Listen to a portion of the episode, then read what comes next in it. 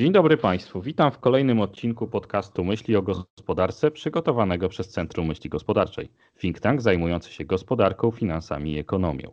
W myślach o gospodarce przybliżamy Państwu najważniejsze zagadnienia gospodarcze i finansowe.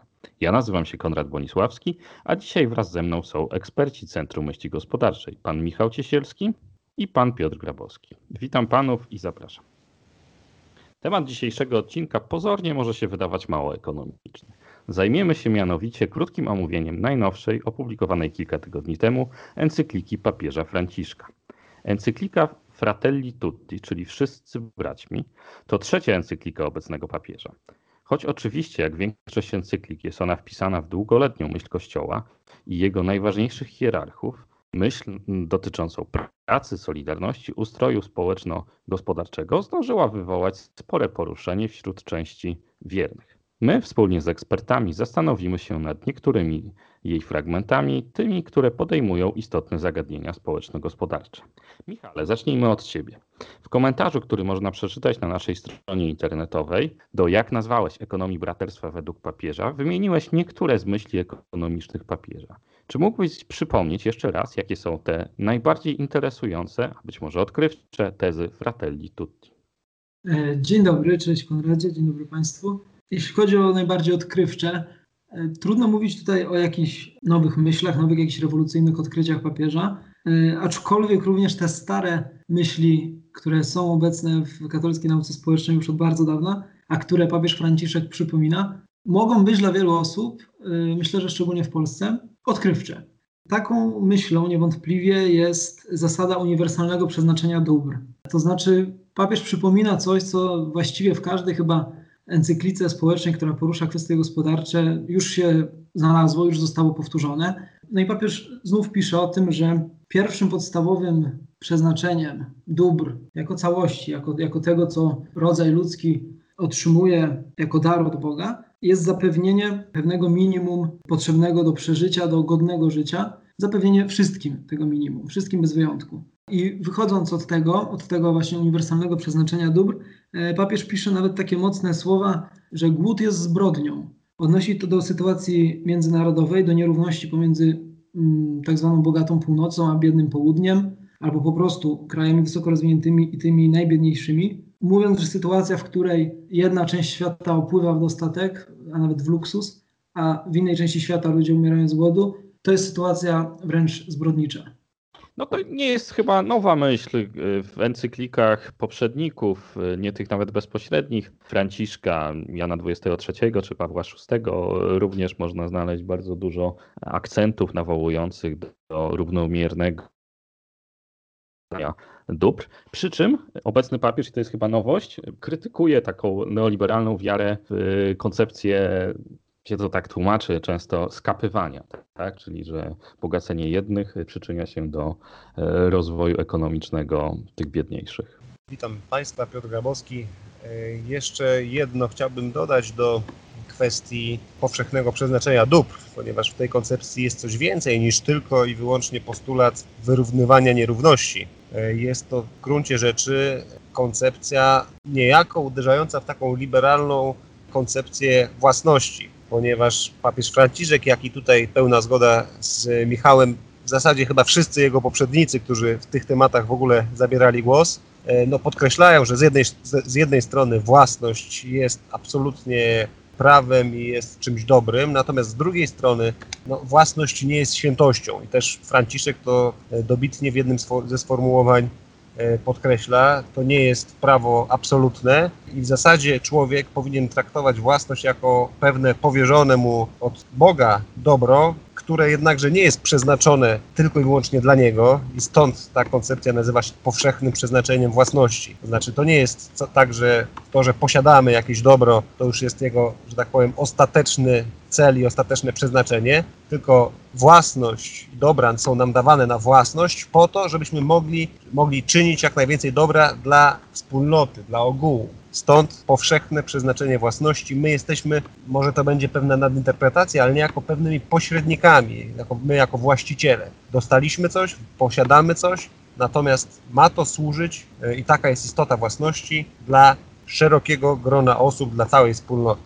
Dokładnie tak. I papież nawet mówi, że prawo własności jest oczywiście bardzo istotne, ale jest prawem wtórnym, a właśnie tym pierwotnym prawem jest przeznaczenie, powszechne przeznaczenie dóbr i prawo własności jakby istnieje w tym prawie naturalnym po to, żeby realizować, żeby realizować prawo e, pierwotne, czyli uniwersalne przeznaczenie dóbr. Tutaj bym dodał jeszcze, bo to się przewija w naszych wypowiedziach, natomiast przysłuchiwałem się trochę odbiorowi encykliki papieża Franciszka, także odbiorowi po prawej stronie, e, powiedzmy, sceny politycznej czy opinii publicznej. I dało się odnieść takie wrażenie, że ta encyklika jest, że papież Franciszek już w ogóle został zaliczony e, do grona no, niemalże lewaków, których w ogóle nie należy brać pod uwagę. Ja się oczywiście nie będę tutaj wypowiadał co do treści teologicznych, teologiem nie jestem i też zresztą to nie jest temat naszej rozmowy, także jakby już nie chcę wchodzić w inne zakamarki tej encykliki. Natomiast dało się zauważyć taki dyskurs po prawej stronie, który w zasadzie kwestionuje, kwestionuje niejako wręcz prawo papieża Franciszka do wypowiadania się na temat gospodarki, sugerując, że to jest właśnie taki lewicowy papież i on tak jak niesie tutaj przewrót w nauce Kościoła w innych dziedzinach, tak samo ekonomii, on mówi jakieś niespotykane nowe herezje, w związku z czym jakby te jego now, rzeczywiście no, nowinki w różnych dziedzinach z teologii czy innych dziedzinach jego nauki jakby do, do, tego, do tego samego worka, w których te nowinki się znajdują, są wrzucone też te jego postulaty gospodarcze. No i tutaj wydaje mi się, że trzeba jasno podkreślić, y, że jeżeli chodzi o postulaty gospodarcze, y, czy właśnie naukę społeczną, Franciszek nie odbiega tutaj zbyt mocno od tego, co poprzedni papieże zajmujący się tematyką społeczną y, głosili od XIII i jego Rerum Novarum, które było oczywiście z jednej strony wymierzone w komunizm i w socjalizm, ale z drugiej strony bardzo mocno piętnowało różne e, wypaczenia e, ówczesnego kapitalizmu i moglibyśmy całą historię nauki społecznej Kościoła przejść i w każdej nieomal, albo praktycznie w każdej encyklice takie wątki z mniejszym lub większym natężeniem, krytykujące kapitalizm, podkreślające, mm, no właśnie, chociażby to, o czym mówiliśmy, czyli społeczne społeczny wymiar własności, to wszystko jest obecne, więc podkreślam to, co pisze Franciszek w sprawie gospodarki, to być może jest pewne przestawienie akcentów, ale tylko i wyłącznie akcentów. To nie jest nic nowego,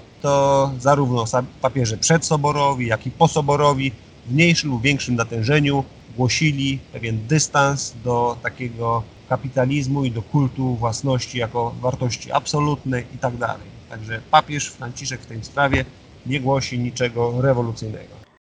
Tak, to jest bardzo trafna uwaga. W ogóle encykliki papieskie mają to do siebie, że każdy kolejny papież bardzo stara się podkreślać ciągłość myśli społecznej Kościoła. Nawet one często ukazują się albo w rocznicę jakiejś, jakiejś ważniejszej encykliki z przeszłości, albo są pełne nawiązań. Nie inaczej jest z Fratelli tutti, chociaż y, tu można by jakby w większym stopniu zauważyć tej najnowszej właśnie encyklice nawiązanie do bliskiego nam Jana Pawła II, ale też do, do, do Benedykta XVI, więc, więc bardzo, bardzo dziękuję Piotrze za tę y, słuszną uwagę, bardzo istotną dla tych, którzy być może nie śledzą y, mocno encyklik i, i, i nauczania papieskiego.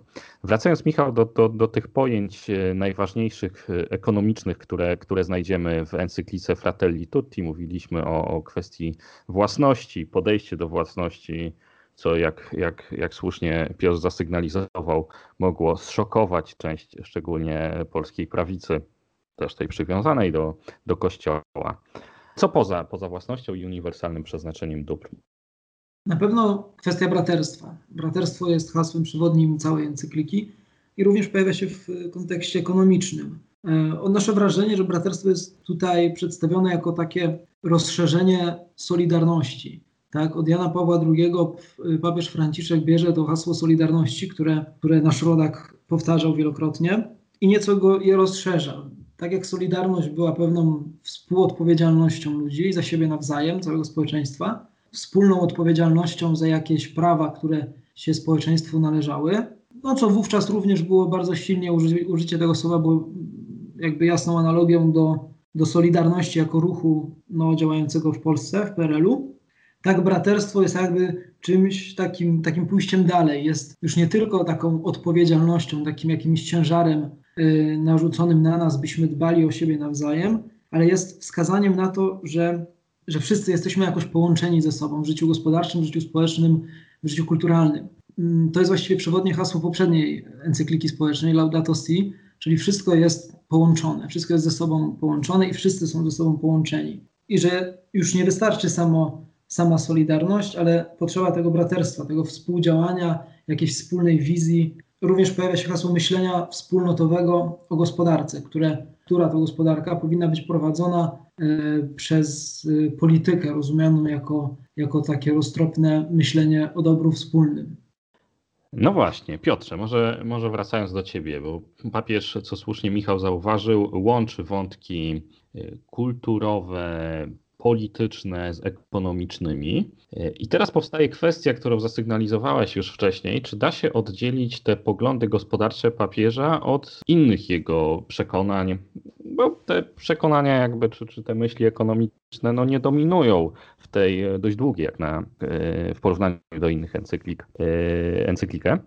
Papież kładzie nacisk między innymi na to, że sfera gospodarki jest immanentnie związana z polityką, ale też, y, co więcej, wskazuje na to, że polityka y, powinna dominować nad gospodarką. Tutaj mam taki fragment, iż polityka nie powinna być podporządkowana ekonomii, a ta z kolei nie powinna być uzależniona od opinii i od skutecznościowego paradygmatu technokracji. Y, więcej papież pisze, że nie można wymagać od ekonomii, nie można zakładać, że przyjmuje ona rzeczywistą władzę państwa. Tak więc, czy nieco kontrowersyjne przyznajmy, niektóre przekonania papieża da się, da się oddzielić od, od jego poglądów gospodarczych i jakie jeszcze inne postulaty znajdziemy w nowej encyklice.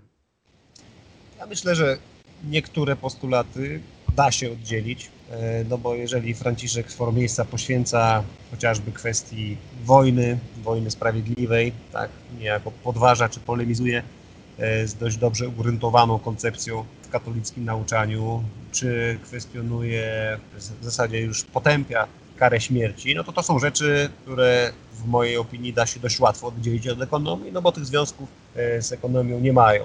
Natomiast w szerszym wymiarze i w wielu innych sprawach rzeczywiście wolą samego papieża Franciszka było to, żeby tych e, różnych sfer polityki, gospodarki, kwestii społecznych nie rozdzielać, bo wzajemnie się przenikają. Więc odpowiedź brzmi, w większości spraw zapewne tego się rozdzielić e, nie da. Chociażby ten postulat właśnie, o którym powiedziałeś, czyli e, no de facto można powiedzieć prymatu polityki nad ekonomią. To też zresztą oczywiście nie jest myśl e, nowa w nauczaniu papieży. Papież Jan Paweł II był popularyzatorem pojęcia ekonomizmu, czyli takiego poglądu, w myśl którego ekonomia jest jakby właśnie wiodącą siłą, to te, te efektywnościowe wskaźniki czyli no, chociażby maksymalizacja PKB e, powinny jakby podporządkowywać sobie inne cele polityczne, społeczne i tak dalej. E, I papież Jan Paweł II oczywiście z tym poglądem ekonomizmu polemizował, nazywał go błędem ekonomizmu, czyli no dość w języku katolickim dość mocne, jednoznaczne potępienie. No i to samo robi papież Franciszek, tak? Jak, jak, w jaki sposób inne sfery tutaj się, są inne przykłady splatania się tych różnych sfer, chociażby kwestia polityki międzynarodowej. Tutaj papież Franciszek to jest taki wyraźny rys całego jego nauczania i całego pontyfikatu, podkreślanie tych nierówności, nierówności nie tylko na poziomie jednego społeczeństwa, tak, że są bogaci tam milionerzy i biedacy e, w jednym kraju, ale też nierówności na poziomie całego globu, całego świata. Czyli są państwa bogate, które w jakiś sposób niesprawiedliwie urządziły świat e, i że wyzyskują państwa biedne. I to w tej encyklice również jest e, dość mocno postawione, czyli moglibyśmy tutaj w tym takim, takim wokabularzu lewicy no, powiedzieć, powiedzieć nawet być może, że papież Franciszek wchodzi tutaj w tę teorię taką postkolonialną, że wprawdzie już jest epoka kolonializmu dawno zakończona, natomiast nadal te, te stosunki, te więzi państw trzeciego świata, pierwszego świata nadal się układają w taki, a nie inny sposób. Więc to, to, jest, to jest jeden z ciekawych wątków. Tutaj papież również pokazuje, i to jest myślę wartościowa myśl, w jaki sposób ta dominacja ekonomiczna centrów, czyli to nie jest powiedziane wprost, ale zapewne chodzi o Europę Zachodnią, o Stany Zjednoczone, e, w jaki sposób właśnie ta ich ekonomiczna dominacja przekłada się również na pewną kulturową dominację. To się spotyka ze, ze sprzeciwem papieża Franciszka, który mówi, że państwa bogate, tylko z tego, z tego tytułu, że są bogate, nie powinny móc narzucać swojego światopoglądu, swojego systemu wartości państwom biedniejszym. Tutaj jako polski czytelnik oczywiście miałem pewne dylematy, czy w tym momencie, w którym papież Franciszek upomina się o, pra o prawa tych peryferiów, tych krajów biedniejszych, to czy taka Polska to jest właśnie w tym gronie, czy Polska już może jest według Franciszka w gronie tych krajów wyzyskujących. E, zapewne raczej papież Franciszek myślał przede wszystkim o, rzeczywiście o krajach trzeciego świata, no ale gdybyśmy zastanowili się, no to równie dobrze podobne schematy, czyli podobne mechanizmy działania, w wyniku których dominacja ekonomiczna przekłada się na dominację kulturową, zauważylibyśmy w naszym kraju również, więc myślę, że jest to chociażby taka, taka również ciekawa i aktualna myśl z perspektywy polskiej. Jeśli chodzi o to pojęcie postkolonializmu, to, to można by też dodać, że papież dosyć dobrze identyfikuje to, iż y, ta forma wyzysku neokolonialnego po prostu zmieniła we współczesnym świecie swój wymiar. Teraz, teraz jest to wyzysk polegający na tym, że biedniejsze państwa muszą jakoś jednostronnie otwierać się na produkty z państw bogatszych, które, które y, przenoszą tam często swoją produkcję i, jest, to, jest to po prostu inne, inne wcielenie y, kolonializmu. Można by też powiedzieć, że, że Polska przynajmniej w ostatnich y, czasie jest dotknięta przez przez jakby taki wpływ e, struktur międzynarodowych, które chcą, e, chcą jakoś tam nas, nas pouczać, ale zostawmy już może kwestie czysto, czysto polityczne i postarajmy się teraz być może wpisać tą encyklikę w szerszy kontekst katolickiej nauki społecznej od czasów e, Rerum Novarum. Tutaj słusznie stwierdziliście, iż wiele, wiele z tych pojęć, którymi posługuje się papież Franciszek, jest już mocno ugruntowanych, ale oczywiście świat, świat się zmienia i to bardzo, bardzo szybko. Więc Michale, może, może, może teraz y, wróćmy do Ciebie. Co, co jeszcze moglibyśmy z takich uniwersalnych pojęć, już nie tyle trzymając się e, encykliki Fratelli Tutti, ale ogólnie z nauczania y, Kościoła podkreślić? Może solidaryzm, może, może jeszcze konsumpcjonizm, materializm, y, o którym, o którym też pa, pisze papież Franciszek. Tak, na pewno, na pewno ten konsumpcjonizm jest czymś, co się przewija no już od wielu lat. Bardzo, bardzo często pisał o tym Jan Paweł II. I tutaj należałoby połączyć właściwie konsumpcjonizm z tematem y, godności pracy i w ogóle zagadnieniem y, pracy w encyklikach, ponieważ papieże wskazują na to, że człowiek właśnie przez ten błąd ekonomizmu, o którym wcześniej mówił Piotr, y, człowiek jest redukowany wyłącznie do z jednej strony konsumenta, z drugiej strony zasobu pracy. Nawet tak się mówi często, zasoby ludzkie w takim nowoczesnym zarządzaniu. Tak, dokładnie. I takie postrzeganie człowieka właśnie na przykład przez, yy, przez technokratów, tak? Znowu, no mówił już o tym Piotr, ale może warto to podkreślić. E, technokracja często kojarzy się z czymś takim pozytywnym, ale właśnie papież Franciszek wskazuje na to, że jeżeli pogrążymy się w tym ekonomizmie i oddamy władzę technokratom, ludziom, którzy znają się na optymalizowaniu, na uskutecznianiu, na takim zwiększaniu, zwiększaniu efektywności, no to wówczas skończymy w bardzo, bardzo smutnym świecie. Właśnie w bardzo smutnym świecie ludzi, którzy są sprowadzeni wyłącznie do, do klientów i do zasobów ludzkich, a nie, ma, a nie ma w ogóle spojrzenia na człowieka mm, jako na człowieka, jako na, jako na istotę bądź co bądź cielesno-duchową, a nie wyłącznie cielesną. I dlatego właśnie ten konsumpcjonizm kłóci się, znaczy jest jakby tak przeciwstawiony czymś, co papieże nazywają integralnym rozwojem człowieka, yy, czyli takim rozwojem, który, który bierze pod uwagę to, że no, że człowiek właśnie nie jest tylko zasobem pracy, ale jest również czyimś mężem, czyjąś żoną, ojcem, matką, jest częścią jakiejś lokalnej wspólnoty, jest częścią jakiejś kultury, jest częścią jakiegoś narodu. I to jest chyba takie największe wezwanie papieży już od wielu, już od kilku dekad, od wielu lat. Y, wezwanie właśnie wobec polityków, wobec tych, którzy formułują jakoś życie gospodarcze, tworzą jakieś systemy, no żeby właśnie przezwyciężyć to patrzenie na człowieka jako na konsumenta, jako na zasób pracy, tak? Czyli co najmniej tak samo, tak samo dużo uwagi poświęcać temu integralnemu rozwojowi, rozwojowi kulturowemu, e, rozwojowi duchowemu, czy chociażby zapewnieniu jakby odpowiedniej ilości czasu, żeby człowiek mógł się zatroszczyć o te rzeczy, o więzi rodzinne, o więzi społeczne, o, o swój rozwój mm, nie tylko materialny. E, tak, żeby, żeby temu też jakby poświęcić tyle samo czasu przy formułowaniu polityk, co poświęca się na zwiększaniu efektywności e, ekonomicznej.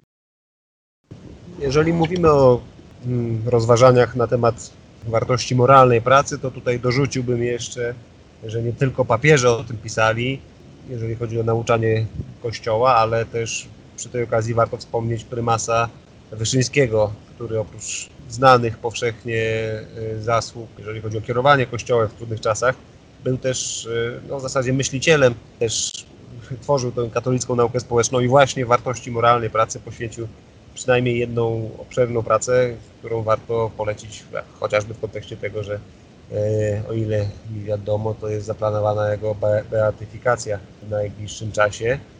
Natomiast jeżeli mówimy o zakorzenieniu e, tej encykliki w jakimś szerszym nauczaniu społecznym Kościoła, to tutaj chciałbym się podzielić takim moim wrażeniem, które jest nawet szersze i wykracza e, poza tylko i wyłącznie encyklikę, ale dotyczy całego nauczania Franciszka w kwestiach właśnie gospodarczych czy społecznych, no mam takie wrażenie, może jest to uwaga trochę bardziej teologiczna nawet niż ekonomiczna, natomiast w momencie, w którym papież Franciszek snuje różnego rodzaju rozważania gospodarczo-społeczne, mam wrażenie, że w, w przeciwieństwie do e, poprzednich papieży, te rozważania są dość mało zakorzenione w takiej, powiedziałbym, transcendencji i czasami czytając papieża Franciszka, i słuchając jego wypowiedzi, można by się zastanawiać, dlaczego Kościół w ogóle zajmuje się sprawami gospodarczymi. U innych papieży ten mechanizm, dlaczego to jest tak ważne, dlaczego sprawy gospodarcze, społeczne przekładają się także na główny przedmiot zainteresowania Kościoła, czyli kwestie moralne, czyli kwestie e, wieczne, kwestie zbawienia. Te, ten wywód jest dużo bardziej, dużo lepiej, mam wrażenie, poprowadzony, chociażby no właśnie u tych papieży przedsoborowych, gdzie wskazuje się, że, że to w jakich warunkach społeczno-ekonomicznych człowiek żyje, to jednak wydatnie wpływa, nie determinuje, tak, bo to nie jest na pewno wizja deterministyczna, ale wydatnie wpływa na jego kondycję moralną, e, na jego stosunek właśnie do spraw transcendentnych, do, e, do religii, do wiary itd., tak itd. Tak u papieża Franciszka można odnieść wrażenie, że jest to E, trochę zaniedbane. Czasami wydaje się, jakby te wartości gospodarcze, te kwestie właśnie e, ekonomiczne były dla papieża Franciszka wartością samą w sobie. E, pamiętam jego taką wypowiedź sprzed kilku lat, gdzie stwierdził, że jednym z większych, znaczy największym w ogóle problemem obecnej ludzkości jest bezrobocie. No, nikt nie będzie polemizował, że bezrobocie jest rzeczą złą i e, należy oczywiście poświęcać tutaj e, refleksje i wysiłki, żeby je likwidować. Natomiast takie słowa jednak z ust papieża, że to jest rzecz najważniejsza i najbardziej w ogóle e, zaprzątająca jego głowę, wydaje mi się trochę szokująca. Jednak tak, kończąc, podsumowując, ta hierarchia wartości jednak wydaje mi się, że u innych papieży była mocniej zarysowana, czyli na szczycie kwestie moralności, etyki i tak. I z tego wynika, że powinniśmy się też zajmować gospodarką i kwestiami społecznymi. U papieża Franciszka mam wrażenie, że to się, ten, ten, ten rys i ta hierarchia się trochę zamazuje.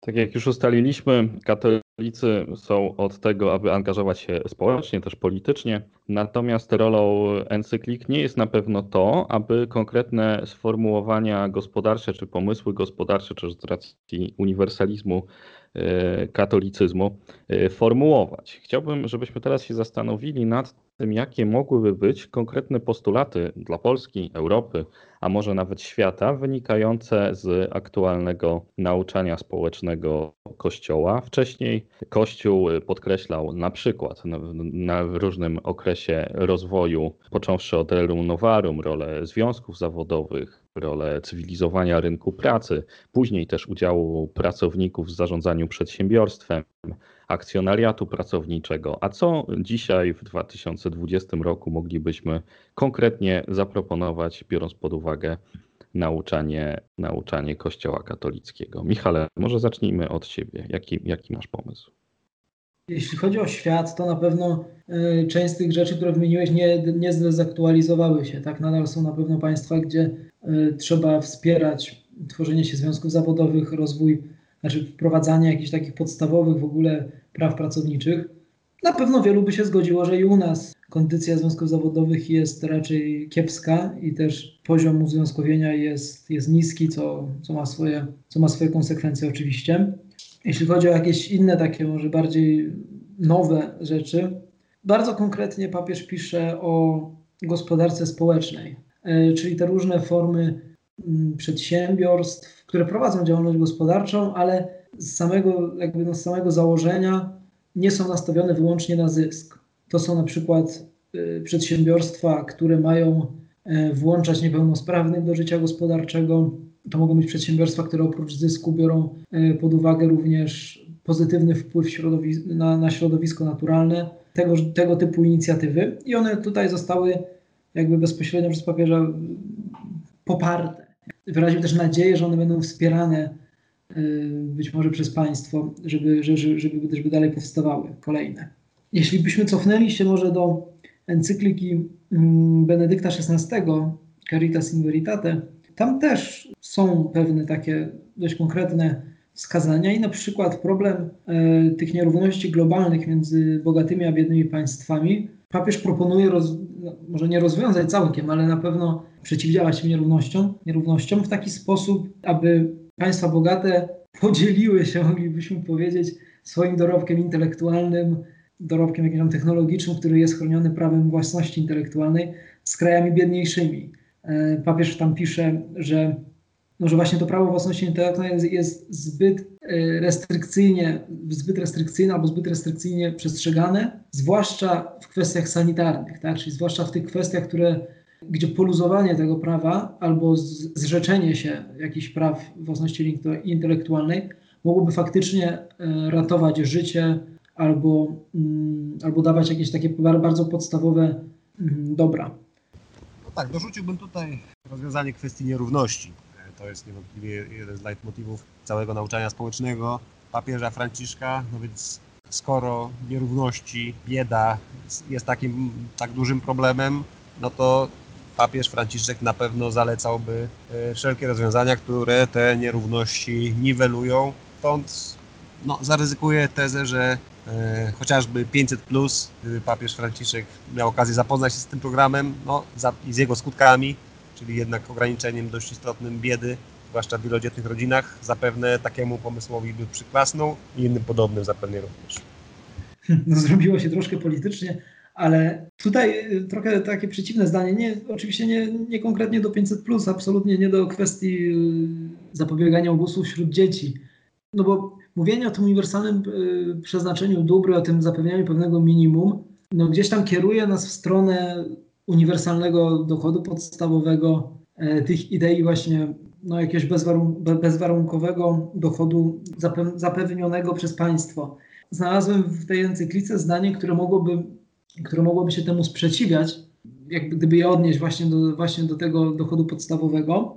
Papież mówi, że wszystkie działania, że wszystkie działania właśnie zmierzające do, do obniżenia ubóstwa muszą kierować do zapewnienia ludziom pracy. E, to jest kilkukrotnie podkreślone, że praca jest, że praca jest niezbędna absolutnie, żeby człowiek mógł, mógł się w pełni rozwijać, jak szczególnie, że mówimy o człowieku, który no nie pracuje nie z własnego wyboru, tylko z przymusu.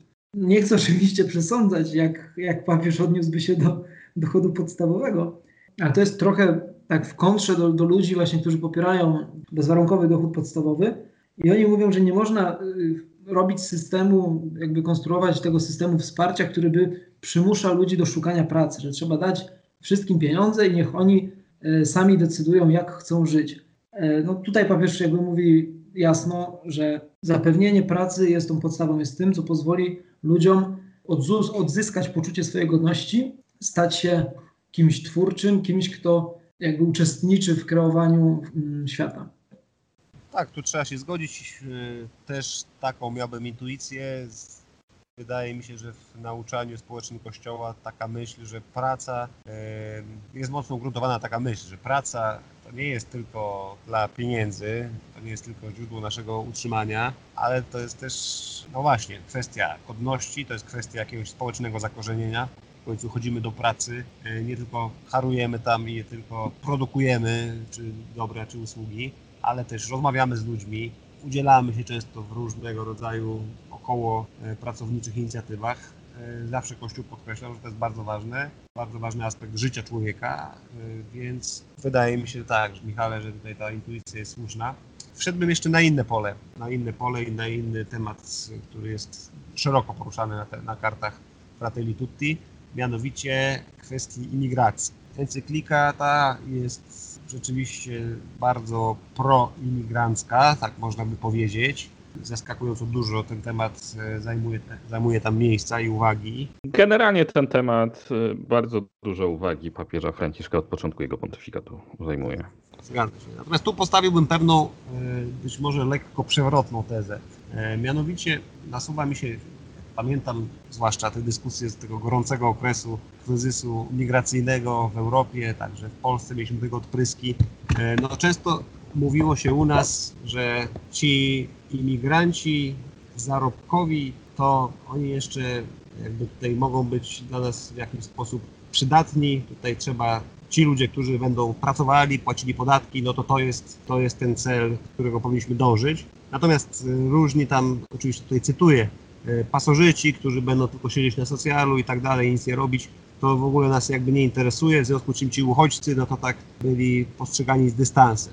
E, mam wrażenie, że papież Franciszek odwraca tę logikę i jeżeli mówi o imigrantach, to mówi przede wszystkim o w zasadzie bardziej właśnie o uchodźcach, o tych ludziach, którzy szukają lepszego życia, którzy szukają schronienia przed, e, przed wojnami, przed biedą i głodem i jakby skupia się na ich dobru. Natomiast to takie myślenie, no właśnie, to co, to co poruszył Michał, że patrzymy często w systemie kapitalistycznym na ludzi jak na zasoby, które można przemieścić z jednego kraju do drugiego, po to, żeby więcej produkować.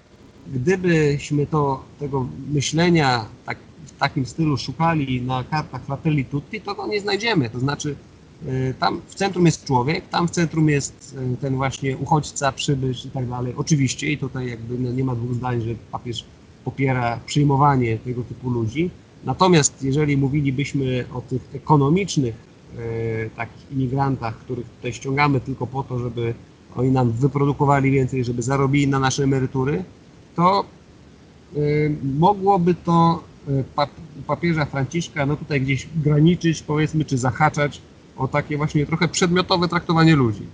W związku z czym miałbym wątpliwości, czy rzeczywiście papież Franciszek na pewno przyklasnąłby takim, takim, tak, takim myśleniu, że należy ściągać jak najwięcej imigrantów, żeby oni, oni nam tutaj pracowali e, dla nas czy na nas i gdzie właśnie te, to myślenie, które jakby w centrum swojego zainteresowania stawia tylko i wyłącznie jakby wzrost PKB, dobrobyt społeczeństwa tego, które przyjmuje imigrantów. Wydaje mi się, że to już jest moja interpretacja, nie chcę tutaj nie swoich, e, nie jego myśli papieżowi e, wtłaczać, natomiast e, myślę, że w myśleniu o, o migracji papież stawia na pierwszym miejscu właśnie dobro imigrantów przybyszów, w związku z czym być może zastanawiałby się nad tym, jak urządzić, jak rozwiązać problemy ekonomiczne migrantów dla ich dobra, na miejscu, tam gdzie oni żyją, a niekoniecznie traktować ich jako siłę roboczą, którą można przemieścić do krajów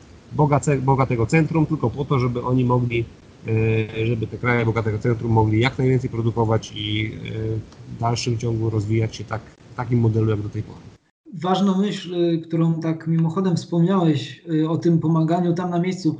Papież chociaż właśnie wywodzi, wywodzi to te prawa migrantów z tego powszechnego przeznaczenia dóbr, to jednak podkreśla, że pierwszym prawem człowieka jest prawo do nieemigrowania, czyli prawo do tego, żeby władza na miejscu, albo żeby inne państwa, które mogą wpływać na to, co się dzieje y, w, jego kraju, żeby nie tworzyły warunków zmuszających do migracji, żeby przeciwdziałały tym czynnikom, które właśnie wypychają ludzi z ich rodzinnych domów, z ich rodzinnych miast, z ich rodzinnych państw. I które wypychają ich również właśnie z tego zakorzenienia społecznego, o którym ciągle e, papież Franciszek pisze.